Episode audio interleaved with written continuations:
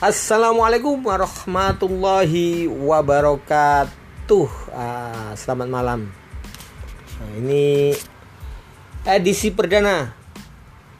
Saya mau pusing juga nih mau apa ya mau ngomong apa. Tapi sebelumnya perkenalkan nih di samping saya ada seorang bidadari yang sangat cantik jelita.